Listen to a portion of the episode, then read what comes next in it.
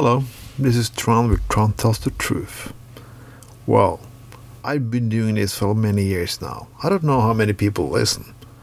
So, I tried to separate this segment from another digital citizen and something play it yeah, just as one normal segment on Spreaker, yeah, on Spotify and so on. So I tried to find out what will make people listen to my segment. And it's funny. I can talk about guns, election, about the horrible things in the world. And nobody really gives much attention. But people are so predictable. When I mention the word fuck, if I, for example, say United States can go fuck themselves, they'll listen. Fuck this shit.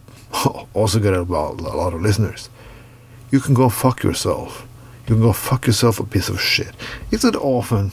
You may say that I use this this word often. I don't. I've been making hundreds of these Tron Tells the Truth in the word fuck. Now, they, well, I use the word fuck a lot, but not in the title. But when I use it in the title, people definitely listen. I don't know why. If I say fuck capitalism, well, then people to the left have two things they hate capitalism and the love the word fuck. Oh, that was love, not hate. So, why is people so easy? During the Roman Empire, they had public toilets. So, archaeologists have been finding writing on the wall. Well, what were they writing on the wall in the toilet, you say? Yeah, they did talk about people who were fucking each other in the ass. They have some runer, or like old Norwegian writing on, on the state of a church in Old Norwegian.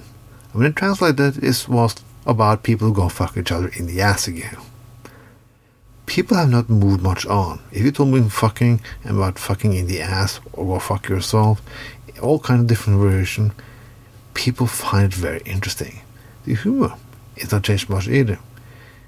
In old Japanese writing and paintings, you can find monsters who have the biggest weapon is the fart. Fart battles.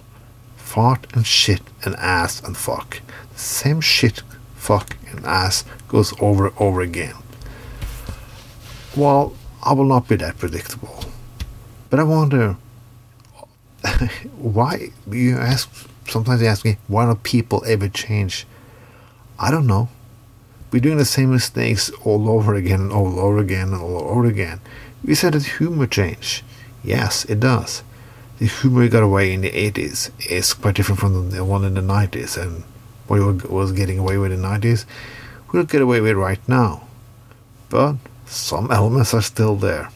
Fuck, shit, ass, and tits, and dicks, and all kinds of variation of making fun about people's sexuality or how they fuck or just making fun of fucking seems to be the easiest way in the world to get people's attention. So, I don't know how many variation or shit and fucking ass or diarrhea or things I can do. Maybe I can put some group sex, some gang bang, and licking pussy into the mix too and see how much listeners I can get. But I like to talk about politics and the most important things in the world, so that kind of language can really go fuck himself. This was Tron with Tron Tells the Truth.